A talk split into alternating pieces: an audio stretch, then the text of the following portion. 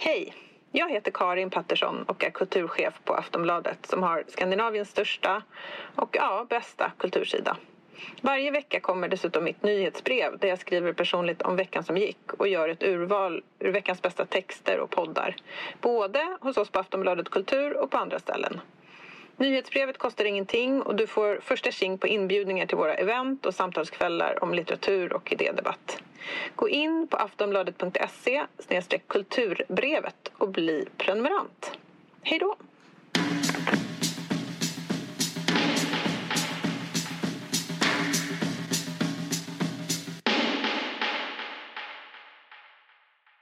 För 50 år sedan springer jag fram genom våningen i natt och mörker. När jag kommer ut ur korridoren står glasdörrarna vidöppna in mot matsalen. Parkettgolvet är kallt under fotsulorna. Det är nybonat. Där inne blänker det i golvet under de tre fönstren. Taket är vitt. De gula råsidengardinerna är helt rakt stilla.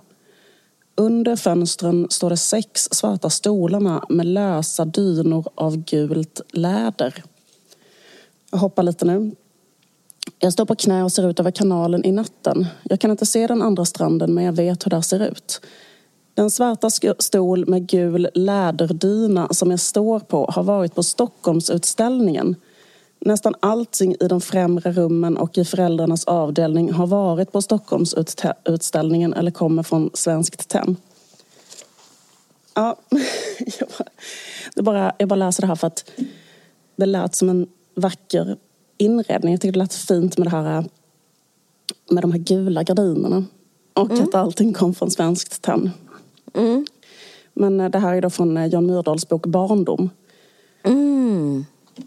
Och eh, som kom ut 1982. Mm. Men även om det här lät som en trevlig våning i mina öron så är det inte så det beskrivs i den här boken. Nej. Eh, utan det var istället bara ett helvete att växa upp med alla de där svensk tennissakerna. Mm. According to Jan. Mm. eh, nej men... Ehm, eh, ja, jag tänkte prata lite grann om den här eh, Myrdal eh.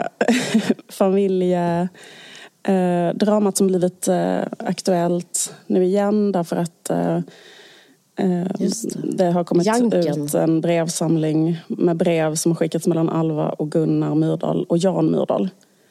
Ja. Eh, och den har kommit ut nu på Bonnier och heter De hemliga breven. Men, har du eh, läst den? Vad sa du? Har du läst den? Mm. Wow, okej, okay, spännande. Ja.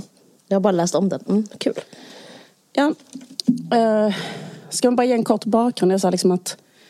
Ja, det måste du nog verkligen. För det känns som vår publik, ja. lyssnare, liksom är inte, de är inte tjenis och hej med Jan Myrdal. Nej. Och det är knappt vi heller. Jag råkar vara det för min, den där boken du pratade ja. om hade vi i bokhyllan så jag läste den liksom på måfå men ändå rätt kontextlöst. Typ ja. När jag var 17 kanske. Just det, precis. Jag kommer ihåg att många hade pubertet i bokhyllan när jag var liten. Av någon anledning minns jag det.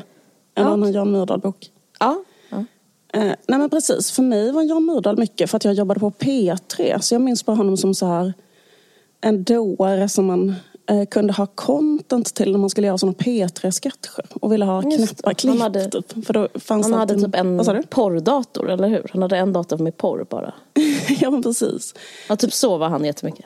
Man kunde liksom alltid hitta något, eh, något knasigt han hade sagt mm. och klippa ut. Mm. Och mm. som en rolig om man ville ha en eh, dum gubbe som pratade om en eh, fittorna i Sydamerika. Typ. Alltså förstår du vad jag menar? Liksom, liksom, det, var, det var den så... Mm, det var ett slags bibliotek för det. Typ. Det, var, det, var, det, var, det var ett vandrande, vandrande content väldigt mycket för en viss typ av eh, vad ska man säga, humorinnehåll.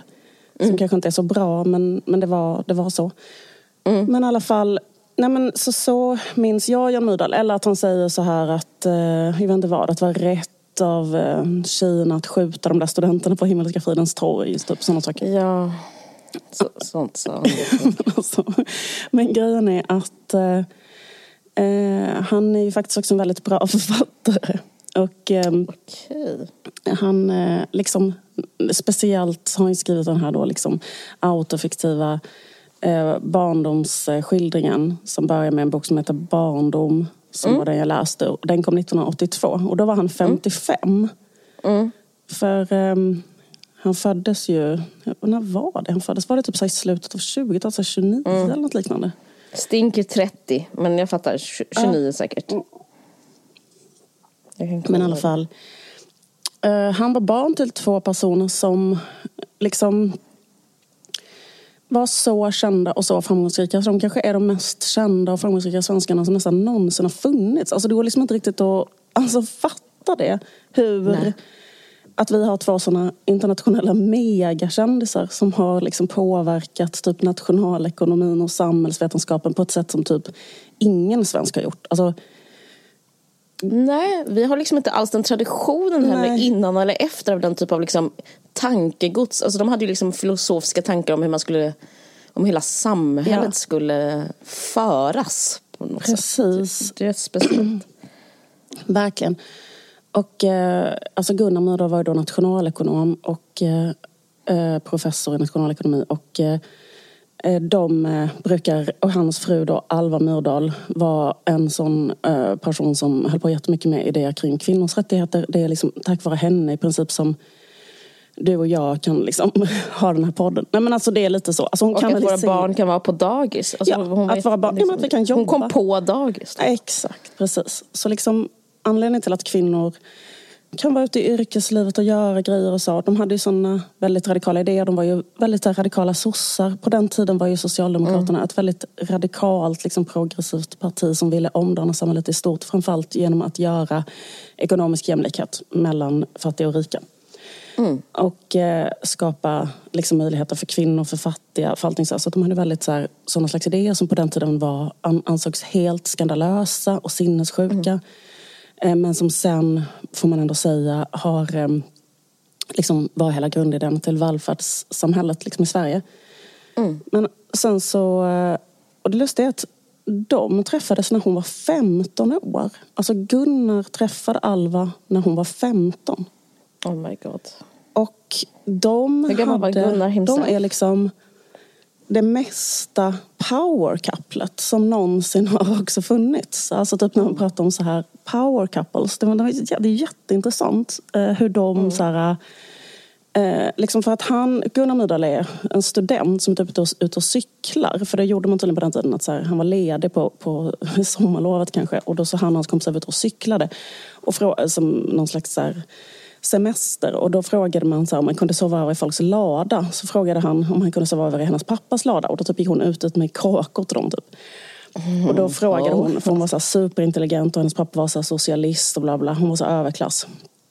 Men hennes pappa var jätteintresserad av liksom Kropotkin och så här frihetlig socialism och allting sånt där. Och då frågade hon honom så här, har du läst Schopenhauer? Mm. Och då blev han helt mind-blown av att så här, mm. kvinnor kunde tänka och sånt. För, han, för då, hon fick inte ens gå på gymnasiet fast hon var så superintelligent. För mm. gymnasiet var stängt för kvinnor. Och sånt. Alltså, så det är väldigt svårt att liksom föreställa sig hennes, typ, vilken osannolik person hon är. Liksom. Och, eh, men sen blir de då jättekära. Och eh, han har kvar ett foto på henne i konfirmationsdräkt när hon är 15 år i hela sitt liv. Och eh, liksom, de lever till som över 80. Alltså, men liksom, det är så väldigt intressant för det handlar väldigt mycket, eller liksom, man förstår mycket så hur, och de, och de hjälper varandra så jävla mycket. Alltså typ att eh, utan hen, alltså utan varandra, alltså de, liksom, de, ja, men de liksom gör varandra till typ Globens mest inflytelserika, alltså några av Globens mest inflytelserika liksom, sociala vetenskapsmän. Alltså det är väldigt intressant. Mm. Så de är bara, båda får ju Nobelpris, varsitt Nobelpris. Liksom, de är Oj. bara hela tiden kanske FN, Unesco, själva Myrdal bara är i Indien och är bästa kompis med den presidenten och kanske hjälper till att skissa upp något jävla projekt för skolor. Alltså det, så är de. De har liksom en karriär på en nivå som är helt osannolik. Gunnar Myrdal gör typ den första utredningen i USA om så här ojämlikhet mellan afroamerikaner och vita och gör typ en svin, helt så pionjärartad undersökning för liksom afroamerikanernas sak och visar i statistik att de är förtryckta. Liksom, wow. ja, exakt. Alltså det är väldigt, väldigt, väldigt... Och, de, och de, just att de var så jävla progressiva. Och de hade så här, deras idé var ju hela tiden att det skulle vara eh, liksom, eh, ekonomisk rättvisa helt enkelt. Mm. Och också så här, eh, inte vara rasism, inte vara skillnad mellan syd och nord. Eh, kvinnors ställning och så vidare. Men sen så eh, hade de ju eh, också med så här sterilisering till exempel var ju de också förespråkare av och det har ju de blivit väldigt kritiserade för. Men å andra sidan så var alla för sterilisering på den tiden så det är också liksom att det var som att säga någonting som alla höll med om. Och det som ingen höll med om och det som alla tyckte var helt skandalöst som de sa det var så att kvinnor skulle typ eh, kunna också ha ett jobb. Alltså, Ja. det var liksom det som var debattämnet. Det där med sterilisering var något som liksom alla tyckte då. Det var normen liksom då. Men, eh, ja, men i alla fall, men sen så fick ju de då ganska tidigt så fick de ett barn, Jan Myrdal. Och Jan Myrdal eh, eh, kom sen att bli en eh, författare och han kom också att bli en extremt inflytelserik på den svenska vänstern. Typ den auktoritära eh, kommunismen. Eh, som att framförallt var han maoist. Och eh, drev på, kan man säga, svenska vänstern i den liksom, riktningen att omfamna, eller liksom, tro väldigt mycket på kanske Maos Kina. Kände också för försvaret Kambodja, Pol Pots Kambodja alltså. Och etc. Och han skrev liksom reportageböcker från tredje världen. Och, ehm, och, eh, men, men han är mest känd för att han skrev en barndomssvit då, som han skrev när han var 55 år. Och i den beskriver han då hur hans barndom var jävligt hemsk. Och han outar sina föräldrar då, som var ju då nationalikoner och globala megakändisar. Att de, eh, de sa, sig förespråka alla de här sakerna om barnpedagogik och att eh, barn skulle liksom inte ha... De var ju också emot auktoritär uppfostran och sådana saker men att de själva då var, hade behandlat honom... Att han, äh, liksom, boken beskriver en barndom av ett barn som inte har det bra alls. Liksom, utan att mamman beskrivs som kall. Det beskrivs väldigt mycket som att föräldrarna liksom inte älskar honom. Mm. Jag tyckte den var väldigt svår att läsa, minns jag. Jag tyckte den var väldigt eh, ruskig, den boken. Läskig. Jag ska bara säga en liten passus. Att den boken som jag pratade om förra veckan, eh, eh, Sniglar snö, där är- figurerar Jan Myrdal med. Han, han har liksom... Han, det är beskrivet hur han ringer och typ i stort sett trakasserar Aftonbladet. Och liksom Agneta Pleijel, för det var liksom, de var samtida och att eh, han anklagar Aftonbladet för att liksom inte, eller, de är ju sossar så han anklagar väl dem för vad de är men att, eh, att kultursidan borde vara mer vänster, borde ta ställning för Mao och bla bla bla bla bla. Att det är liksom en sån, också en sån följetong att ehm, han beskrivs i hennes ögon rätt så intressant. Jag reagerar på det, att, liksom att han, eh, han beskrivs som rätt aggressiv och rätt så ja, obehaglig. Alltså Ja. typ som eh, alltså typ lite så här, ja, men ringer ner henne, liksom, trakasserar henne lite. Ja, precis. Jag, tror- jag, jag tror liksom att, jag, jag tänkte det var ganska intressant så här för att jag läste ju Agneta Pleijels barndomsskildring som vi pratade om i förra, den här Spådom. Och att det är ganska intressant just med så här barndomsskildringar för att eh, den här barndomsskildringen den är jättebra. Alltså Jan Myrdals barndom från 1982 tycker jag. Den är, liksom, den är otrolig. Men en intressant skillnad ändå är liksom just den här saken hur han beskriver sig själv. Och hur Agneta Pleijel beskriver sig själv när hon är liten. För Agneta Pleijel beskriver hela tiden det här liksom självtvivlet. Och eh, liksom att hon själv är dålig och vad hon själv har gjort för att föräldrarna, liksom för båda så beskriver ganska mycket sin barndom där föräldrarna inte ser dem tillräckligt mycket. Och, Visst. eh, men liksom, men Jan Myrdal har det här liksom, vilket kanske kan vara en försvarsmekanism eller vad det nu är. Att, Mm, eh, att bara blåsa upp sig själv till en maximal hybris. Som går ut på att Mm. man, liksom, man är bättre än alla andra och alla andra är nollor. Och det är så man liksom ser på alla skeenden. Liksom. Mm. Och det liksom nästan blir som ett... Det finns ju ganska många, inte för att vara feminist, men det finns ganska många män som kan råka bli så. Eh, och speciellt när de blir äldre. Eller jag menar, det kan, det kan bli, alltså också när de är unga. Alltså kvinnor kan också vara så här, men jag menar typ att man kan bli så att man bestämmer sig bara för att man själv är eh, ett geni och alla andra är idioter. Och sen så liksom bara, och det kan bli som ett, eh, ja men det blir nästan som ett handikapp. För det blir liksom som att man, man alltså just att man beskriver honom som att han alltid bara pratade i monologer. Att det gick liksom inte att få stopp på honom. Och, han bara, och det så är ju vissa äldre män, kanske också som har varit mycket framgångsrika och så, att de bara pratar som en monolog. Och lyssnar aldrig. Och bara är Visst. totalt uppfylld av det där att jag är eh, liksom bäst. Och, eh,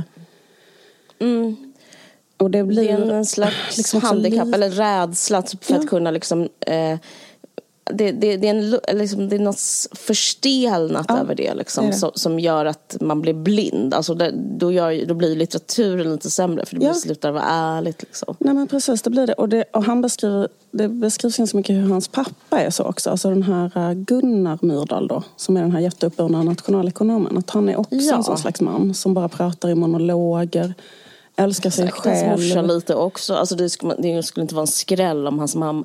Liksom, om de, man blir så uppburen Ja. så finns det väl den typ av... Men det är också det att han, alltså Jan Myrdal har liksom haft en sån manlig förebild som är så. Som bara pratar i monologer och bara beskriver allting som att han själv är bäst och alla andra är sämst. Och så han själv utvecklas ganska snabbt till att bli en sån man. Och det känns som att, eh, men i alla fall, men barndom är väldigt intressant för jag tycker ändå barndom är liksom den här boken då, att den, att den beskriver väldigt mycket så här på ett jävligt intressant sätt något så essentiellt med att vara ett barn som, ehm, som är liksom att, ehm, ja, att det är en jävligt speciell erfarenhet att vara ett barn. Att det nästan, att det, att det per definition också är rätt hemskt liksom. Eh, Ja, man är Det- ju precis. ehm, liksom utlämnad totalt till, eh, till andra vuxna liksom. mm. Och, eh, och det är jävligt mycket som är, som är väldigt svårt när man är ett barn. Liksom. ja men verkligen. verkligen. Och- Det, det, man är maktlös. Alltså, det är per definition maktlös. Liksom. Ja men precis, man är liksom maktlös och, eh, och det är mycket så här, ja, som man kan skäms över. Och, jag vet inte, det, det är jävligt så här konstigt men man har inte riktigt heller så språket eller några verktyg för saker som sker eller att förklara. Alltså, jag vet inte, det, det är väldigt så här, och han, liksom, vissa saker som han beskriver, jag tycker som, mycket av hans kritik är liksom att han eh, är att hans föräldrar inte är hemma och inte ägnar sig åt honom. Det är nästan det som är hans eh, stora case. Och det är liksom att de, det de gör är de åker bort en gång ett helt år mellan han är typ ett och ett halvt och två och ett halvt. Så är båda föräldrarna borta i ett år och lämnar honom hos hans då, eh, farmor och farfar istället. Och då är det typ så när de kommer tillbaka att han inte känner igen dem och sånt. Nej. Eh, Och, det, och, det här, och sen åker de bort ett helt år till när han är 14 eller något sånt där och är borta så han är, han är själv. Och, och även under tiden, alltså även, eh, även, även, även, även när de är hemma så är de liksom jävligt eh, det är jättemycket så att de, eh, att de två vill vara själva. Och, och det är för att de har typ ett så lyckligt äktenskap. Jag tycker det här är så jävla intressant. För det är Det typ är att så här, jätteintressant. För det är så motsatsen till typ hur de flesta äktenskap är. Ja. För det är typ så, barnen är typ så det som eh, binder ihop en och som man kan gömma sig bakom. Ja. Men det, det är så jävla kul det här för då är det Mm. typ så här, det här, det här är första gången jag har hört det här beskrivet och jag tycker det är fantastiskt intressant. Typ att hon, eh, att Alva Myrdal skriver det själv i ett brev. För liksom, vad Mm. som hände sen är att eh, Jan, eh, de flyttar, liksom, de bor i USA, han kommer tillbaka, han hänger inte med i skolan. Mycket på grund av det här då, att de har flyttat och när han kommer tillbaka så, så har han gått en annan slags skola och han får gå om ett år och sen misslyckas han totalt i skolan. Så han, han blir mer och mer paj, liksom, han är 13-14 och han tycker själv att han är så jävla smart men han får bara liksom underkänt i alla ämnen och han blir liksom totalt knäckt och förstörd av det här. Så slutar det med att han liksom bara hoppar av skolan när han är 17 och det är liksom en total, alltså man kan, tänka sig, man kan liksom nästan inte tänka sig en sjukare stressfaktor eller katastrof för just de här två människorna som har liksom så här, utbildning och karriär som sitt allt. Och det här är liksom deras förstfödda son. Och det är liksom en pojke och han är, liksom, och han är bara en total fuck up ju liksom. Och det, och det beskriver man liksom hela, det beskriver de ganska mycket hela tiden också att, att, att han, han betraktas som ett problembarn för att han är då så här, att han inte klarar av skolan. Och ehm, så de blir liksom helt, alltså speciellt hon blir liksom helt förbi av oro på grund av det här. Hur fan ska det gå för honom liksom? Eh, och, och, eh, och just att alla de andra är så jävla lyckade. Och de har två andra, liksom de är inte lite lyckade. Det är inte så här en liten karriär utan det är bara så Eh, ja, men det är verkligen så, FN ringde och eh, jag måste nu lösa rasismen i USA. Nej, men typ, alltså så. Men, liksom, eh, men, eh, och, och han har två småsystrar och de är jätteduktiga i skolan. Men, liksom, ah. så det är jätte, det är liksom, så, men, så, så, då liksom, men han tycker då om att skriva och då fixar de att han ska få en praktik på, på någon tidning och sådär. Men en sak som händer sen är att de, de är så jävla oroliga för honom så att de ehm, skickar honom till Oslo att han ska gå i psykoanalys ett år. Och då är han 17 och då bor han i Oslo och går i psykoanalys. Mm. Eh, hos, en de aldrig gjort. hos en psykoanalytiker som de känner. Ja. Men då... Eh, men då skriver, ehm, då skriver hon ett brev till psykoanalytikern. Ett långt, långt, långt, långt, långt liksom mm. jättesjälvanklagande brev. Där hon liksom beskriver allt som har alltså, hänt med Jan. Från liksom amning, potträning. Alltså du vet, och, och är liksom helt förstörd för vad hon kan ha gjort fel som har gjort att han nu mm. mår så jävla dåligt. Mm, ångrar um, sig nu att hon stack. Precis. Men då, men då skriver hon en sak. Nu måste jag läsa för det, det är så kul. Um, vad hon tycker var den, vad hon är rädd för har varit det största problemet. Och då är det så här att hon skriver så här. Det är många som pratar om hur farligt det är med olyckliga äktenskap för barnen. Men, men det talas sällan om hur riskabla de lyckliga äktenskapen är. Um, så menar hon att det blir en konkurrens med de här stunderna då. I praktiska mm. angelägenheter betyder det att vi ofta skjuter barnen ifrån oss. Um, Eh, vi, vi, vi vill inte ha för mycket inkräktare på vår sublima ensamhet på tu man hand fylld av prat, samarbete, förtrolighet, små hemliga måltider och naturligtvis sinnlighet. Mm. Jag vill inte överdriva och få det att låta som att vi levde i någon slags preciös smekmånad hela tiden. Jag bara konstaterar att vi har roligast ensamma. Våra semestrar är också alltid något vi vill göra tillsammans och helst vill de cykla för det gjorde de då när de var unga. Men, men, mm. men liksom att jag bara tyckte det var så himla kul för att det beskrivs hela tiden, de har liksom date night varje kväll, alltså Gunnar och mm. Alva. De, mm. har, de bara vill Eh, sitter... de har bara ögon för varandra? Liksom. De har bara ögon för varandra. Och mm. eh, hon citerar hur, hur, hur de brukar, vad de brukar säga till barnen. Eh, typ att Gunnar säger så här, kan inte Alva och jag få ha den här sköna morgonstunden med kaffe på sängen i fred? Måste du vara med ungarna kan du inte komma upp till mig? Nej, nu vill Alva och jag gå ut ensamma.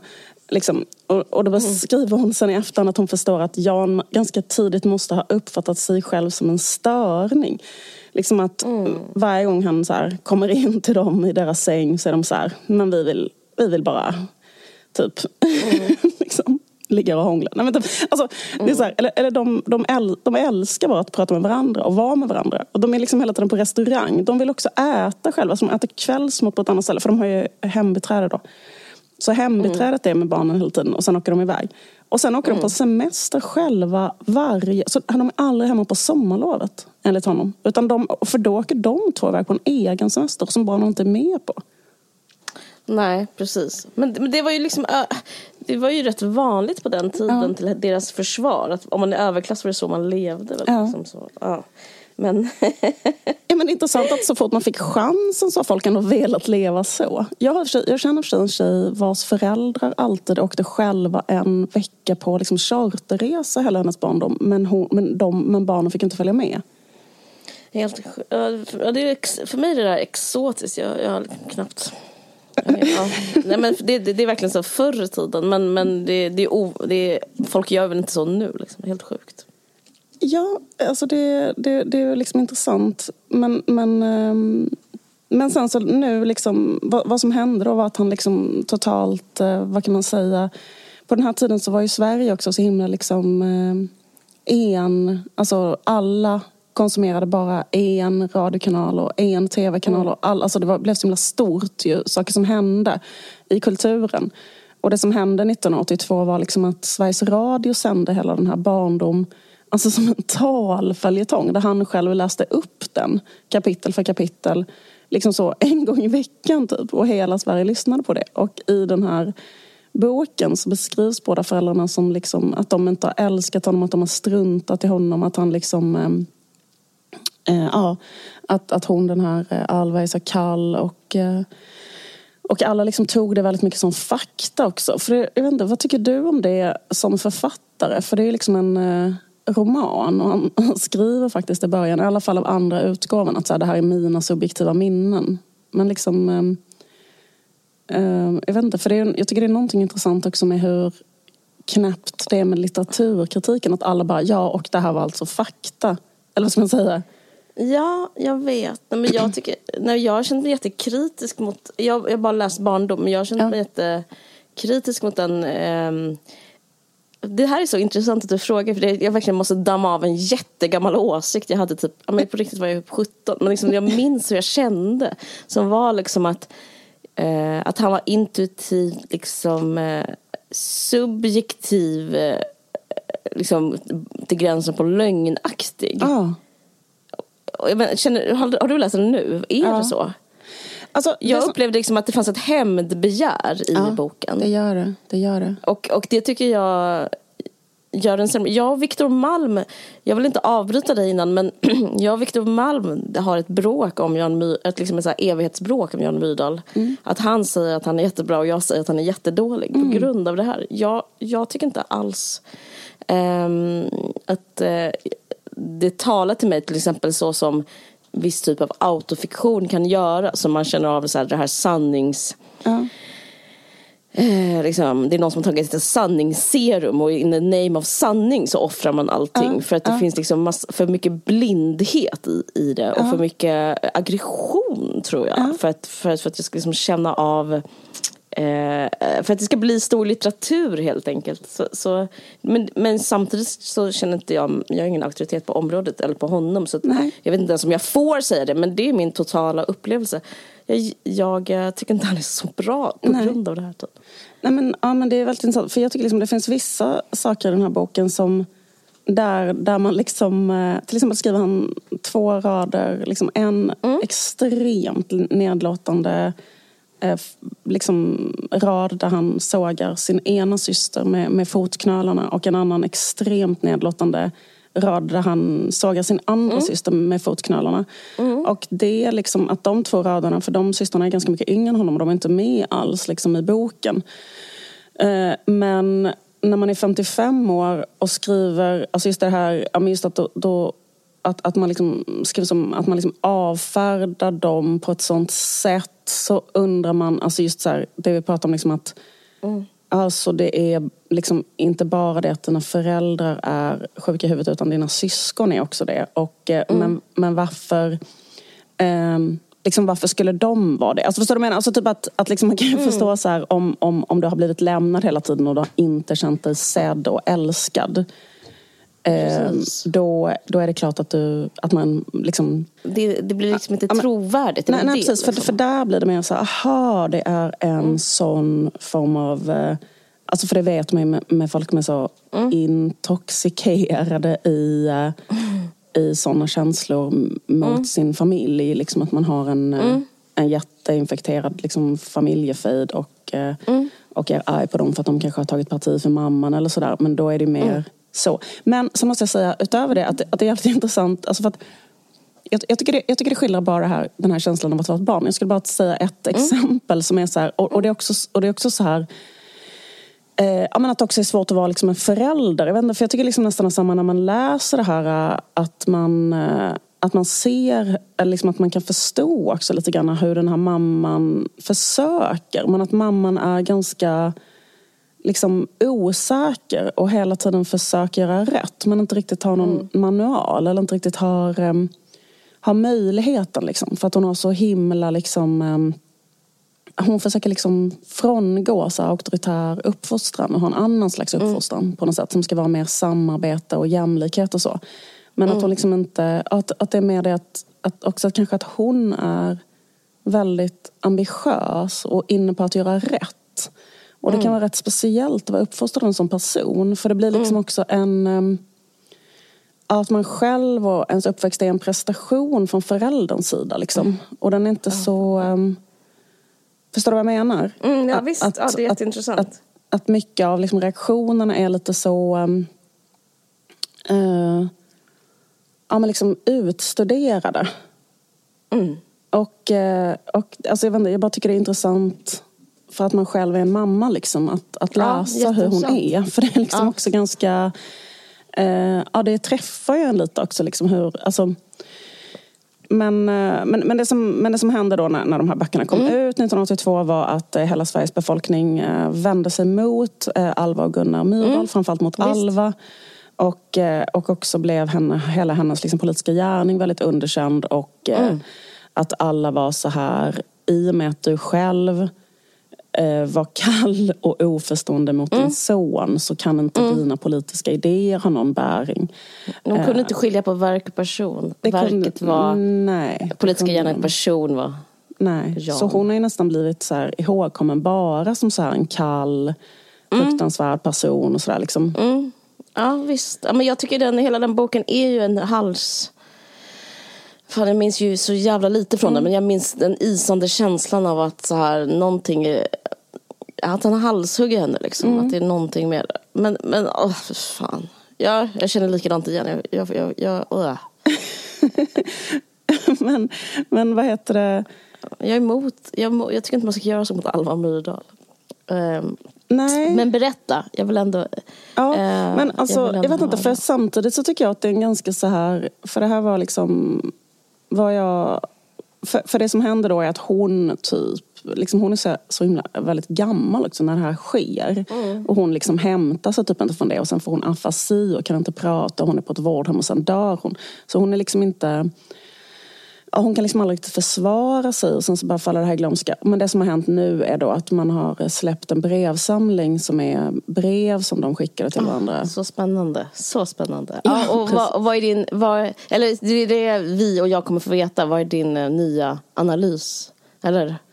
Får du ja, reda på någonting där? Ja, men precis. Men för det som är i breven är mycket då att de hjälper, alltså nästan breven handlar jättemycket om att, för breven är kanske skrivna då från han är 17 mm. Eh, tills han är kanske, ja, jag vet inte, men, men han, eh, han bryter med dem när han är ändå ganska gammal, alltså han kanske är 40 eller något liknande när han bryter med dem och sen skriver han den här boken när han är 55. Jag vet inte, men i alla fall att de hade väldigt många år där föräldrarna hjälper honom så kopiöst mycket med olika grejer. Mm. Mm. Uh, så, så, så, tänk på ekonomiskt också. Alltså, men ja. det måste ju... De han, bryter, han har ju brutit med sin son också. Alltså det är det som är liksom, han, bry, han bryter ju med till hö, upp och ner och kors och tvärs. Liksom, med Absolut. alla som han, har, har relation Precis. Och han är den röda tråden. Absolut, men det talar väl också lite för att de kanske inte var så jättebra föräldrar. För att liksom att han, alltså, fattar du vad jag menar? Ja, kanske. kanske. Mm, kanske. Kanske. Det kan också tala för typ att han är oskön. Liksom. Född oskön. Ja, men, det... ja, men jag tror man kan födas oskön. Eh, och så, vet du vad jag tror var dumt? Att lämna ett barn eh, precis där i anknytningsfasen. Ja, det är det. det, är det. Men det andra? Det, det, är, det är... Men alltså, sen är det det att eh, eh, hon är en karriärkvinna i en tid där män inte tog hand om barnen överhuvudtaget. Så Gunnar bara loggar ut från dag ett och han tar inte hand om barnen överhuvudtaget. Och sen är det liksom Nej, att hon samtidigt ingen äh, liksom är i FN och ska ha de här äh, tre barnen. Så att hon hinner ju liksom inte det. Äh, och eftersom pappan inte hjälper till alls så blir barnen väldigt mycket lämnade själva. Så det är ju det. Alltså, mm. men, men en annan sak som jag tror Mm. För det, det, är väldigt LOL då. Alltså, det har liksom blivit, jag tycker det har blivit lite framställt så här liksom i, i den här berättelsen om det här att så här, ja, de var visst snälla mot honom. De skickade jättemycket pengar till honom och sådär. Mm. Och de hjälpte honom med olika saker. Men grejen är att när han börjar sen så här, han har inte tagit studenten, han är 17 år. Han är, har typ en depression. Liksom då är det så här, ja men då är väl de nästan typ juridiskt skyldiga att skicka honom pengar. Han är inte ens 18 år. För då är det typ så här, mm. att de skriver i den här brevboken, ah, då skickade de sammanlagt i dagens penningvärde 81 000 kronor till honom under ett år. Um, men liksom så, tänkte också så, 81 000 är inte så mycket i dagens penningvärde på ett år menar jag. Alltså det, det är väl som någon form av lågt studiemedel. Alltså förstår du vad jag menar? Det är inte som att de har skickat honom och han är inte ens 18 så det är klart att, han, att de måste liksom hjälpa honom lite grann ekonomiskt. Alltså det är inte så konstigt tycker inte jag. Mm. Men, men sen är det ju, blir det ju mer och mer konstigt att de hjälper honom. Eh, det absolut sjukaste är att de köper en bostad till honom. Att de köper en helt otroligt fin villa som de hittar som har liksom en eh, vad heter det, brygga, en roddbåt, en gigantisk mm. trädgård, sjöutsikt. Mm. Eh, det här Fagervik där han bor hela sitt liv. Och den liksom köper de till honom. Och, då när de, och det är när han är i Kina. och då skickar mm. han ett så jävla surt brev tillbaka som är så här, varför mm. finns det inte ett rum till för bibliotek. Ni måste göra en tillbyggnad. Jag förväntar mig att den här tillbyggnaden är klar när jag kommer hem. Mm. Och då skriver typ Gunnar tillbaka. Vi jobbar båda två åtta timmar. Liksom till klockan åtta på kvällarna. Jag skriver, alltså han kanske skriver som någon utredning om Asien. Alltså, mm. alltså, och jobbar och de är jättegamla och de liksom använder all sin tid åt, åt sina enormt krävande jobb. Mm. Eh, och sen måste de också ta den här skiten från honom. Men han är liksom en total brat. Men sen känner jag också, för det är någonting i det här liksom curlingförhållandet som uppstår då efter att de liksom, men, men jag ser också det som någon slags konsekvens av att de, de har ett kollektivt jättedåligt samvete för honom. Som... Jag säga en radikal grej? Eller säg ja. klart din mening. Nej men jag tror att, alltså jag tycker det här är intressant, det är en väldigt intressant historia utifrån att man själv är förälder och hur man ska mm. göra. För jag också, mm. det är mm. någonting som är väldigt farligt som förälder att få för dåligt samvete. Mm. För liksom att när man, när man liksom, för det känns som att de cementerar den bilden. Att de har, eh, liksom i alla fall Alva då, liksom, det här att han, han misslyckas i skolan. De har inte varit med honom tillräckligt mycket när han var liten. Och då efter det så finns det liksom ingen gräns nästan för vad man kan göra för någon sen efter det. För då är det bara så här, hur ska jag kunna kompensera det? Så de, bara liksom, de lånar ut pengar till honom hela tiden. Så de bygger upp mm. en skuld till honom. Och det, och det känns också så himla sjukt. Alltså verkligen den här grejen att, som man inte ska göra. Det ska man liksom inte göra med någon egentligen. Alltså låna ut enorma summor. För att mm.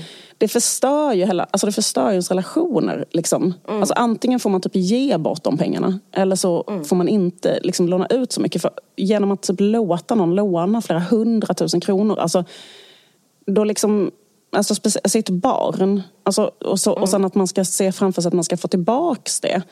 Mm. Liksom då, jag vet inte, då förstör man hela, eller det är väldigt svårt att ha en bra relation utifrån de premisserna. Men jag tror att han jag tror att det blev något fel, fel med honom. Han kan liksom inte se sin egen spegelbild tydligt nog. Alltså för att han ser dem så tydligt. Ja. Det måste vara väldigt svårt med så pass kända föräldrar. Jag vet, alltså det är faktiskt en grej som jag tänkte jättemycket ja. på. Som liksom jag tror är väldigt så här knu, knutpunkt. Liksom. Att, mm. så här, uh, uh, att det handlar väldigt mycket om Eh, erfarenheten att, att ha föräldrar som är så fruktansvärt framgångsrika och vara liksom äldsta mm. sonen i en sån familj. För det är liksom mm. en helt bisarr press ju. Att det är så här, mm. Också att de, att de föräldrarna är så mot honom.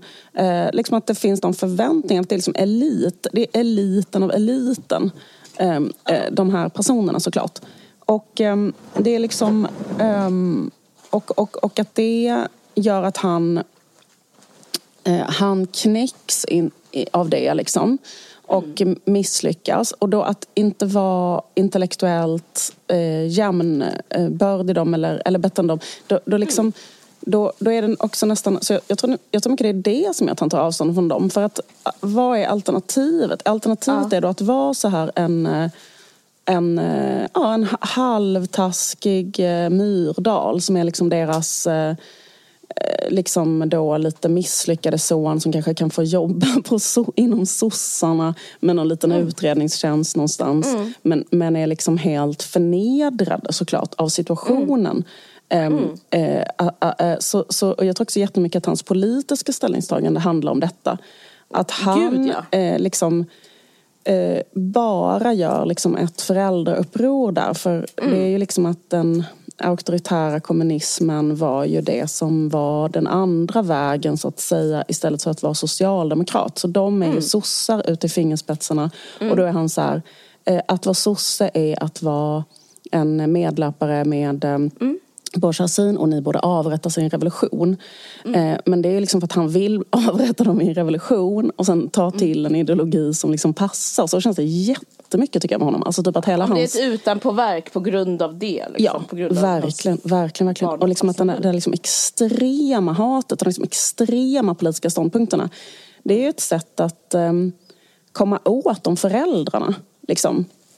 Ja. Eh, och, eh, och, och det är också ett sätt att, alltså, det är ett sätt att ogiltigförklara. Det är, ett sätt, alltså, man, det, det, det, det är också så här, det är, inte, det är inte okända känslor tror jag för någon människa. Typ att så här, Ja men typ att så här, han, han hatar de där jävla akademikerna. Alltså det är ju för att han själv då har helt, helt misslyckats i skolan. Men då är han så här, att vara akademiker är skit. Alltså förstår du vad jag menar? För att han orkar inte ta in det så här, jag kanske är misslyckad. Jag kanske inte är lika smart som mina föräldrar. Jag kanske kommer vara den här, alltså förstår du vad jag menar? Utan, utan han måste vara så här, eh, ja, bara, bara avfärda dem och eh, gå in på att vara maoist liksom. Mm. Men grejen, han, ska, han spelar ju också så här, det är så här det ska gå till. Alltså, mm. Han ska ju göra den här typen av uppror mot dem. Alltså det, är näst, jag vet inte, det är nästan konstigare om han liksom också skulle bli diplomat. Bara. Ja. Alltså det, det är som att det finns nästan bara den här rollen att mm. ta. Ja. Um, ja, det, det är jättemycket det. För jag tror liksom, även mm. om de skulle vara, alltså att man är så förnedrad av situationen. Mm. Eh, som, men jag tycker också det är ganska intressant att han har det här elitperspektivet. För det elitperspektivet mm. speglas av i hans politiska hållning. Att han är elit. Och att mm. han är uppväxt där i den där lägenheten som jag beskrev från mm. början. Och att han har eh, att hans föräldrar är toppen av eh, liksom, du vet, att, mm, att det, den typen av självförtroende, den typen av, av liksom jag, alltså den typen av identitet som kommer med att vara mm. det barnet i den familjen.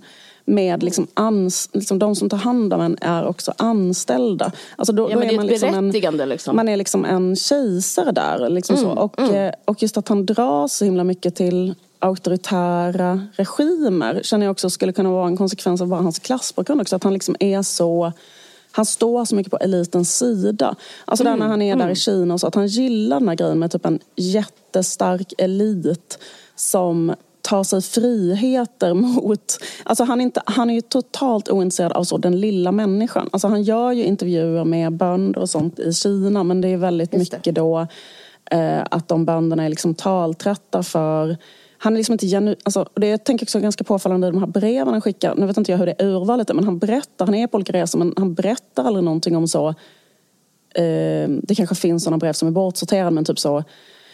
Uh, om man är i de där länderna och, uh, och ser, kanske pratar med folk eller pratar med en människa mm. på gatan eller bara iakttar hur människor har det. Alltså den, mm. den blicken finns liksom inte. Utan han är intresserad Nej. av makt. Han är liksom intresserad av elit mm. och makt hela mm. tiden. Mm. Och, ehm, eh, och, och, det blir liksom en... Eh, ja, det, det, det tänker jag. Men, och, men sen tänkte jag faktiskt på med den sista grejen som jag tänkte var en jävligt så här, nyckel till, hans, till, till den här sviten och hans liksom föräldraprov och så. Att mm. eh, det var så jävla inne att vara så här mot sina föräldrar under den här eran.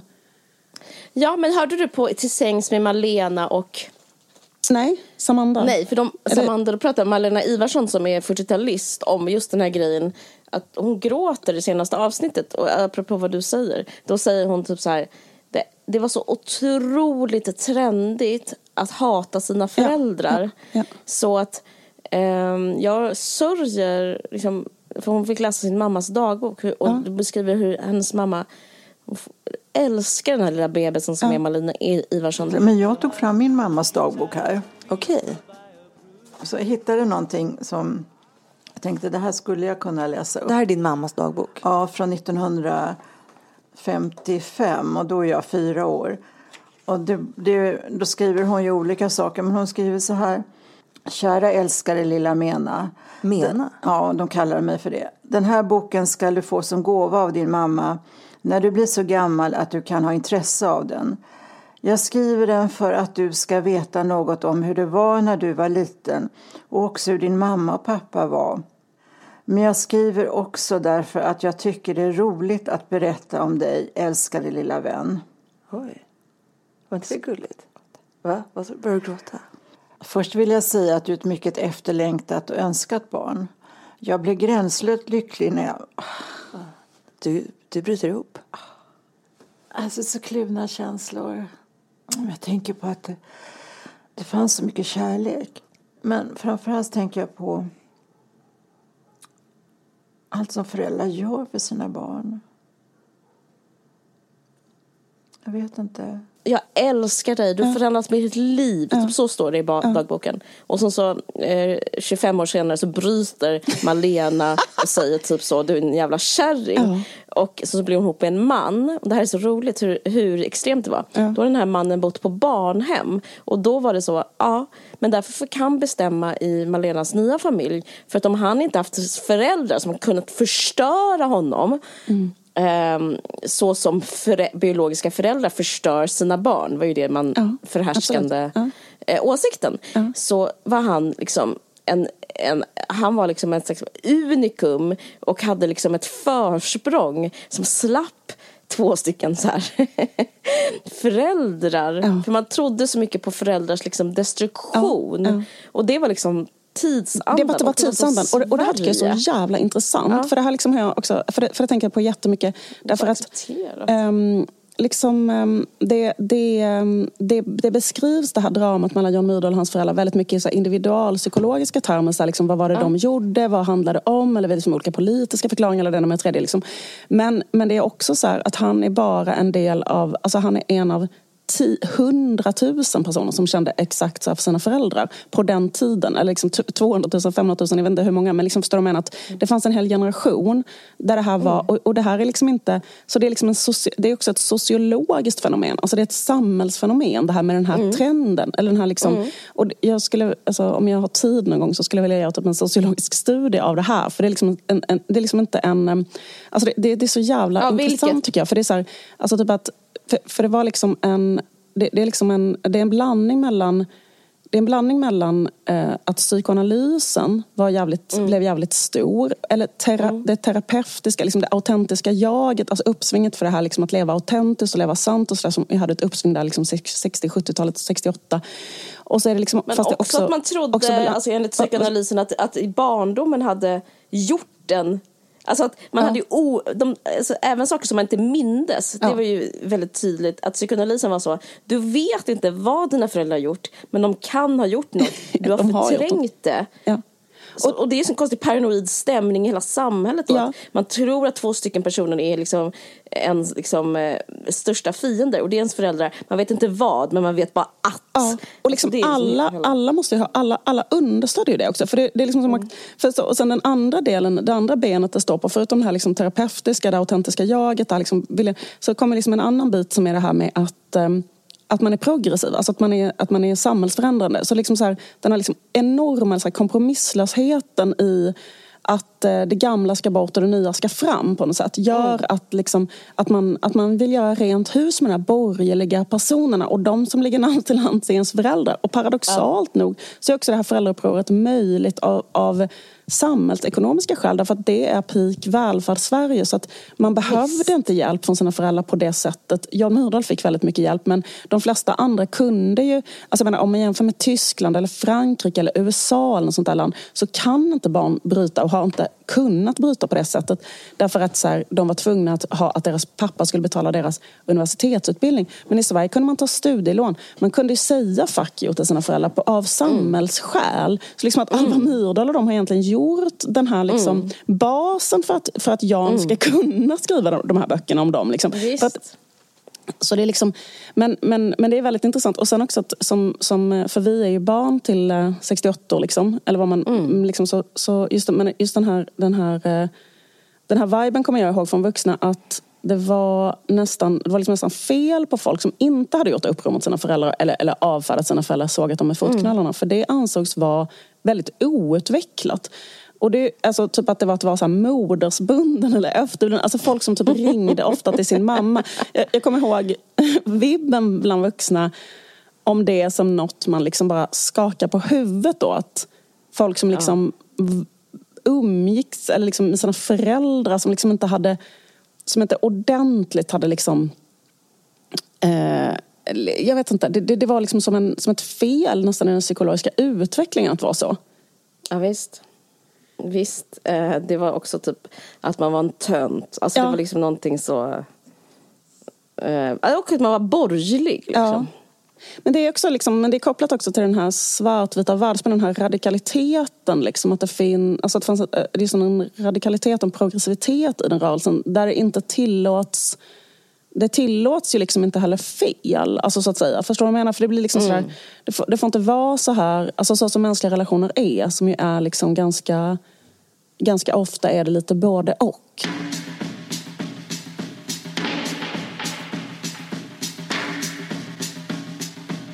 Nextory, Nextory, Nextory. Vi fortsätter vårt samarbete med Nextory och eh, det är det som gör eh, den här podden möjlig. Just nu kan ni gå in i appen och hitta er egen boklista med era bästa boktips för julledigheten. Dessutom har vi ett erbjudande som gör det möjligt att både för nya och gamla kunder att få 50% rabatt under tre månaders tid. Man går bara in på länken nextory.se snedstreck varg 50 för att ta del av erbjudandet. Och jag skulle vilja tipsa om en bok eh, av Claire Louise Bennett, eh, eller Bennett kanske hon heter, som heter Kassa 19. Eh, som handlar om eh, en kvinna, en passiv kvinna som, eh, vad ska man säga, eh, hon, hon hon bara är typ i en säng och tänker väldigt mycket på litteratur. Hon, eh, hon gör inte särskilt mycket och hon, eh, hon, hon, hon, hon bara tänker väldigt mycket. Jag har precis börjat läsa den så jag vet inte jag vet inte eh, hur, hur den eh, kommer sluta eller någonting. Men jag, jag fick tips av att jag läste att Karl Ove Knausgård sa att den var helt briljant. Mm -hmm. Så därför, ehm, därför blir jag sugen på att läsa den. Eh, och den har fått väldigt bra recensioner. Så ja, jag har precis börjat så jag hoppas att den ska vara jättebra. Den finns på svenska. Um, Gud vad spännande. Så här, så här, Kassa 19 Bennett skriver som ingen annan. Hon är en sällsynt begåvning. Och Kassa 19 är en mästerlig roman, säger Karl Ove Knausgård. Wow. Och eh, den handlar om att i en arbetarstad väster om London så eh, skriver en skolflicka berättelser längst bak i sitt skrivblock. Hon är berusad av fantasi och inspiration. Det, genren är en bildningsroman, coming of age. Ja. Underbart. Kul. Mm, eh, och eh, en ny sak på Nextory är att det också finns magasin där. Man kan till exempel läsa L eller något annat magasin. Ja, men när vi pratar om Knausgård så kan man ju tipsa om uh, de här böckerna. Uh, han skriver, håller på med en romansvit som börjar med Morgonstjärnan. Uh, som, är, som är väldigt bra. Och sen finns det ju fortsättning Vargarna från evighetens skog och Det tredje riket. Och um, det är på gång en, ytterligare en del som jag inte tror har blivit översatt än till svenska. Som verkar väldigt intressant som handlar om, typ om en fotograf, en ung fotograf som um, blir blir väldigt framgångsrik och sen är det jobbigt att vara framgångsrik. Jag, tycker, jag, blev, jag blev väldigt intresserad av det, det temat. Jättekul. Nattens skola är fortsättningen på romanserien som inleddes med Morgonstjärnan, Vargarna i evighetens skog och Det tredje riket. Eh, det handlar om 1985 när den ambitiösa Christian Hadeland flyttar till London för att studera fotografi. Eh, hans första tid i stan är fylld av motgångar men med tiden möter han flera personer som får stor inverkan på hans liv. Och i romanens andra del möter vi på nytt Christian men nu är det 24 år senare när han är en uppburen och framgångsrik konstnär. Inför en stor retrospektiv utställning i New York ställer han sig frågan om han har nått alla sina drömmars mål och om det var värt priset. Eh, Nattens skola är en roman om hur konst skapas och om hur lätt ett människoliv kan ödeläggas. Um, ja, men det är kanske lite temat för um, den här um, det här avsnittet. Nu är sporten här. Eh, också med eh, romanen Barndom. Den boken är ännu inte översatt och utkommen men eh, håll ögonen öppna så är det ett boktips. Som jag men kanske är intresserad av. Ska jag börja med Morgonstjärnan? Den finns? Ja, alltså de andra delarna finns. Mm. Så man kan börja med dem. Mm. Mm. Kul. Kul. Um, ja. Så att uh, gå in och signa upp er.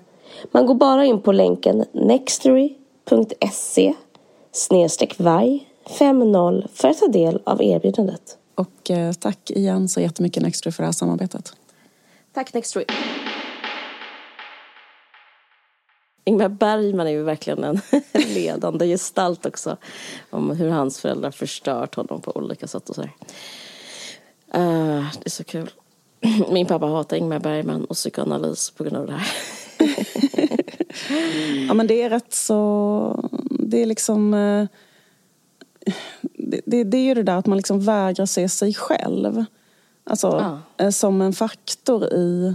Speciellt som att Jan Myrdal skrev liksom den här boken när han var 55 år gammal. Mm.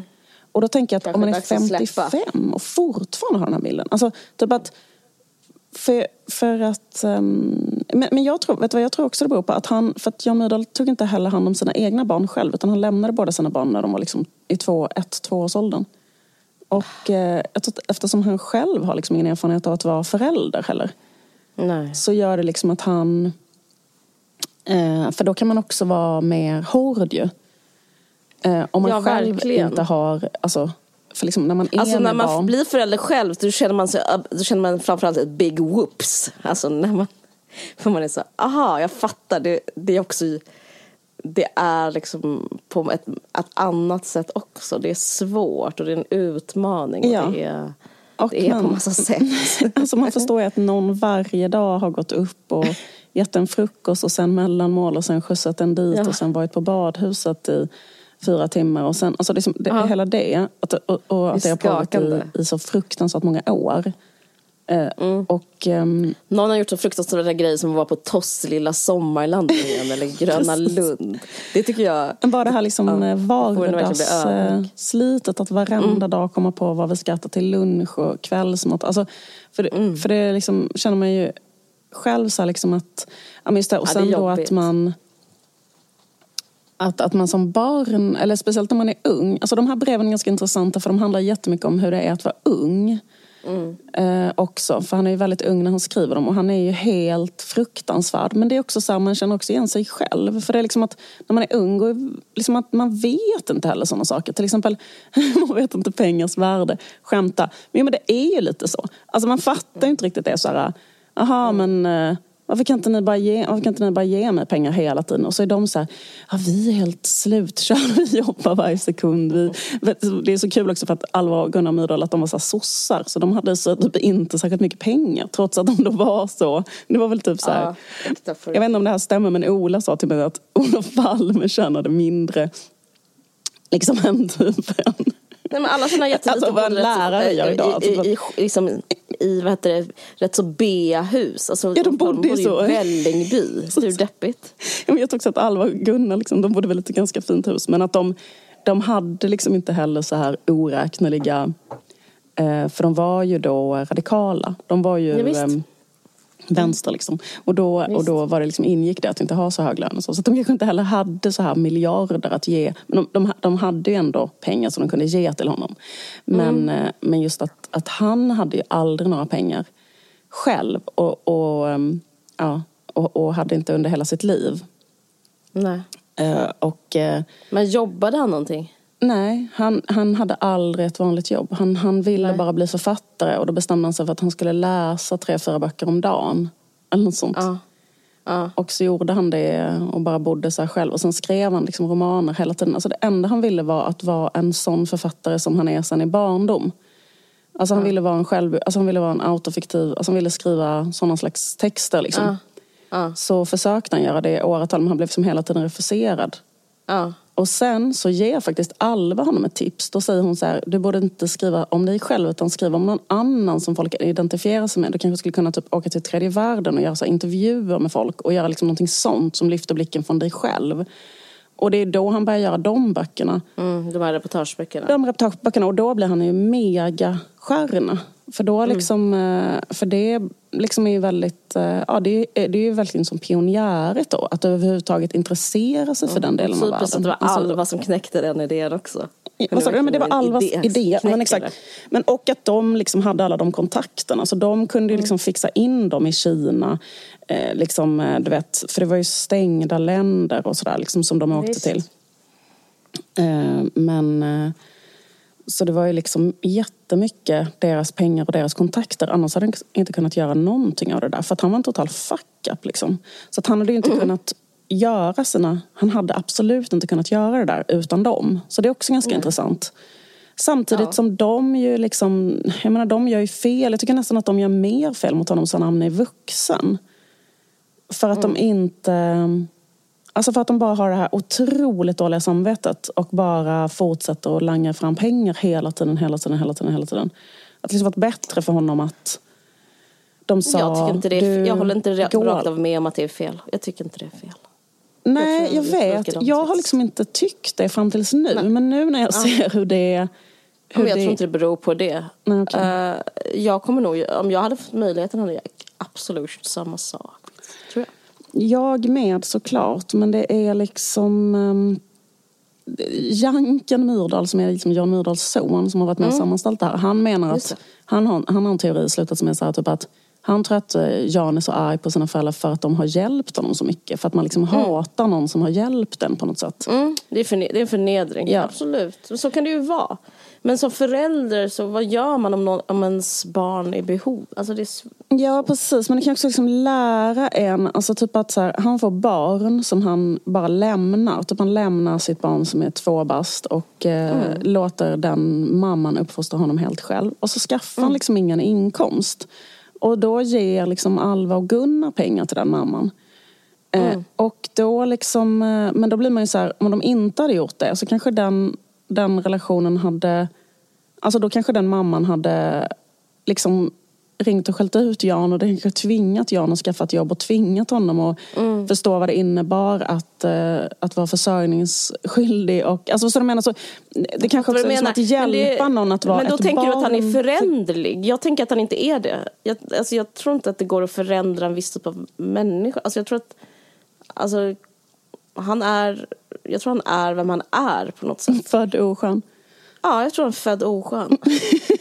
jag tror liksom det. måste de bara sopa igen spåren efter honom. Liksom. Född oskön och sen så fuck, uppfackad av anknytningstrauma. Ja.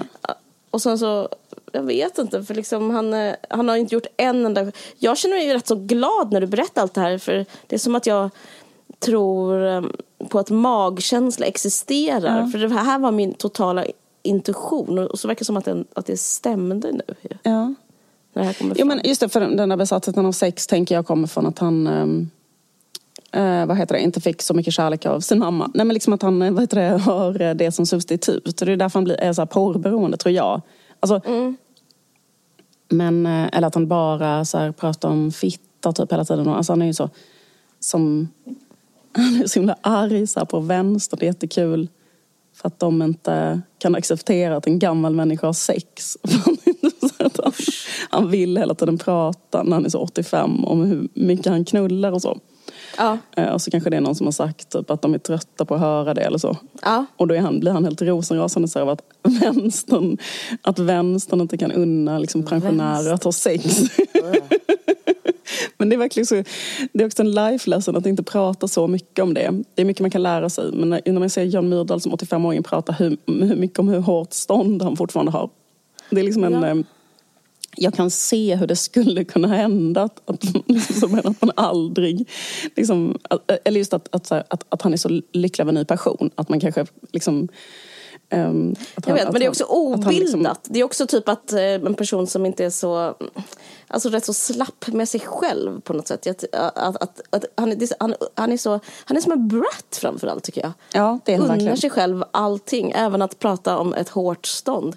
Det är liksom ett berättigande som, eh, som få liksom känner. Ja, men det tror jag kommer från den här klassbakgrunden. Liksom, att Ja, han visst. är liksom, eh, alltså att han, att eh, trots det här mumlet om Mao, Mm. om man liksom skruvar ner det så ser man väldigt mycket bara så här en elitmänniska som vill vara elit. Liksom.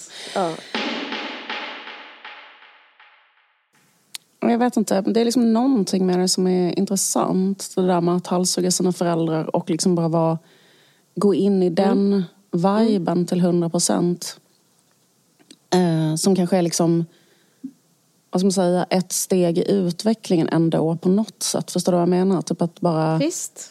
Eh, men det är som att pendeln svängde så jävla stenhårt liksom, just då.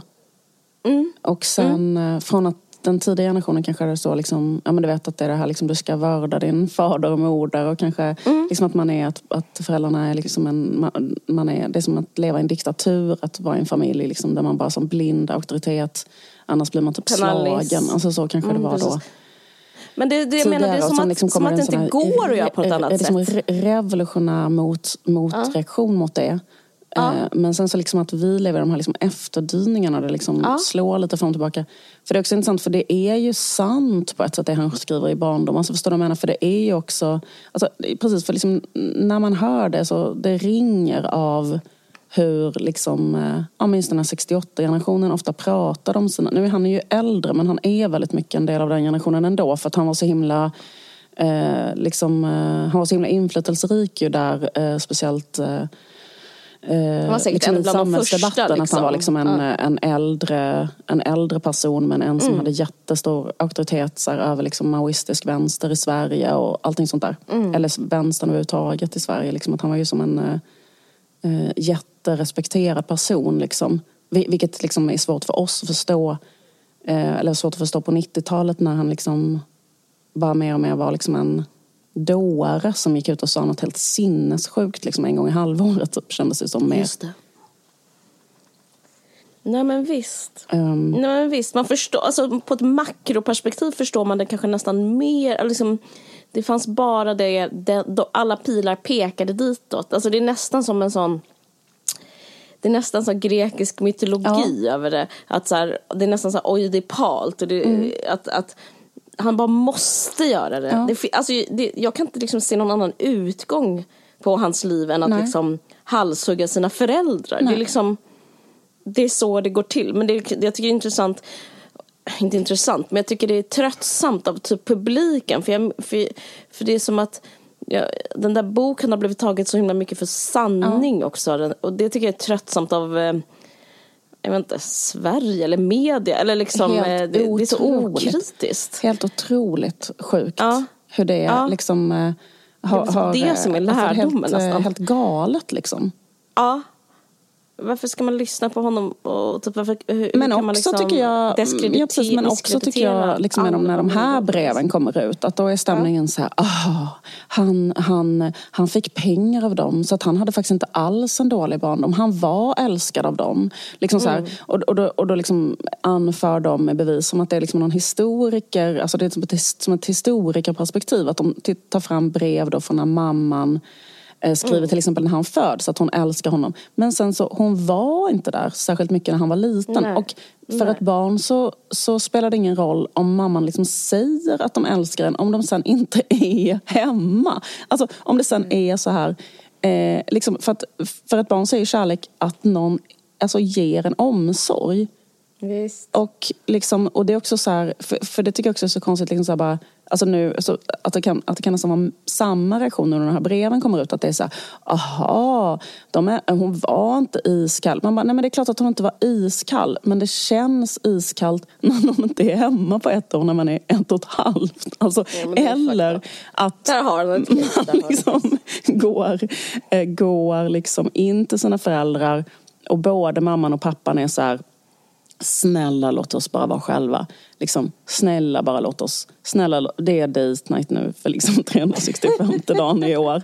Och liksom, vi bara måste få liksom, eh, ha liksom, de kallar det för sina pratfester. Men jag blev väldigt intresserad av dem. Jag tycker det är så kul, deras förhållande. Liksom att de, eh, sen hon var 15, har den här liksom typen av... Och sen att, ja, att, det, att det gjorde dem båda så otroligt framgångsrika.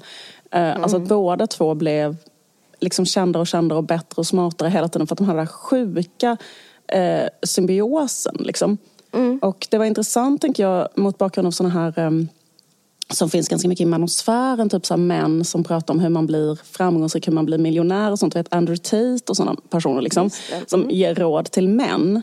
Att liksom, det är egentligen ett väldigt intressant och bra råd att bli ihop med sån svin intelligent kvinna typ. Mm. Eh, så, så liksom, eh, men det rådet, för det rådet är väldigt empiriskt bevisat att liksom sådana personer, sådana par Marie i historien, alltså väldigt ofta så finns det ju en sån eh, eh, kvinna, om man tittar på så här framgångsrika män, alltså typ Bach Visst. eller någon sån person, så är det alltid så. Eh, Anna Maria, Anna Maria Bach var Absolut. också en eh, eh, så bra kompositör. Nej, men liksom att, liksom, att, liksom att man är med någon som, som pushar en eller får en framåt, om man har den här symbiosen. Om man verkligen vill, alltså om man nu är inne på det där intresse. att bli pissframgångsrik. Liksom.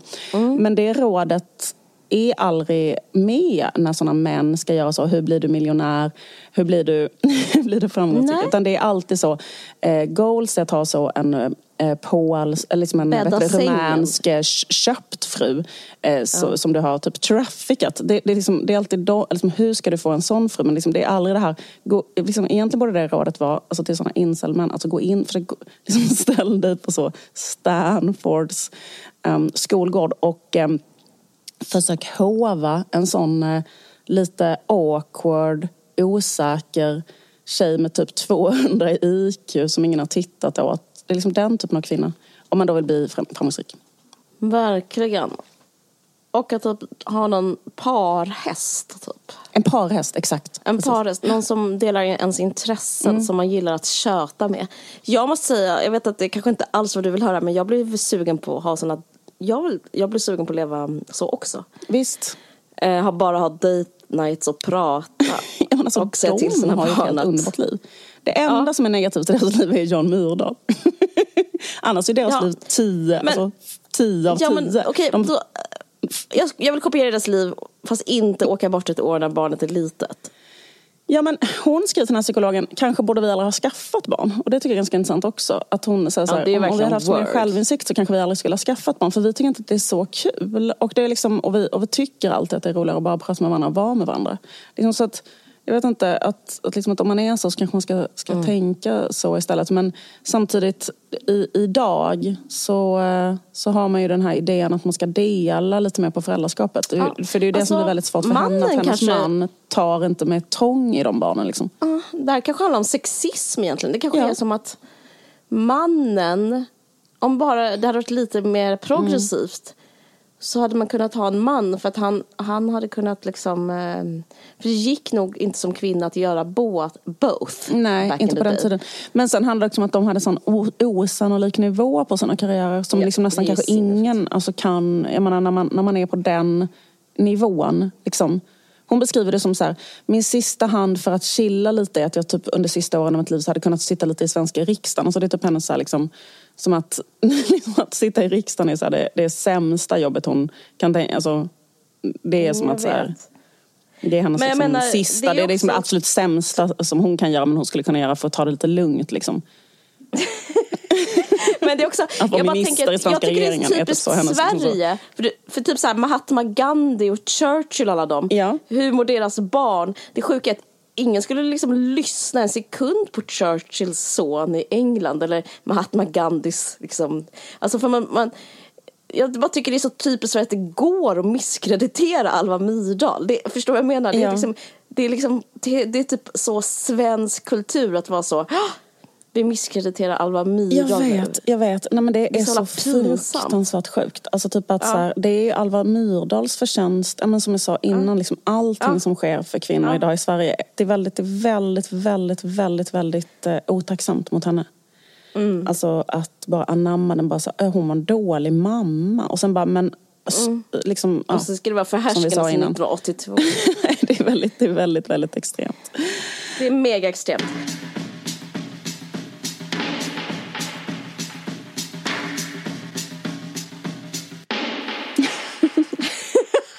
Okej, tack så mycket Nextory. Jag, må- jag blir så stressad. Jag, vi, vi, jag lägger på. Gör det. Jag måste gå. De Mm, står där. Hej. Hej. Du har lyssnat på en podcast från Aftonbladet. Ansvarig utgivare är Lena K Samuelsson.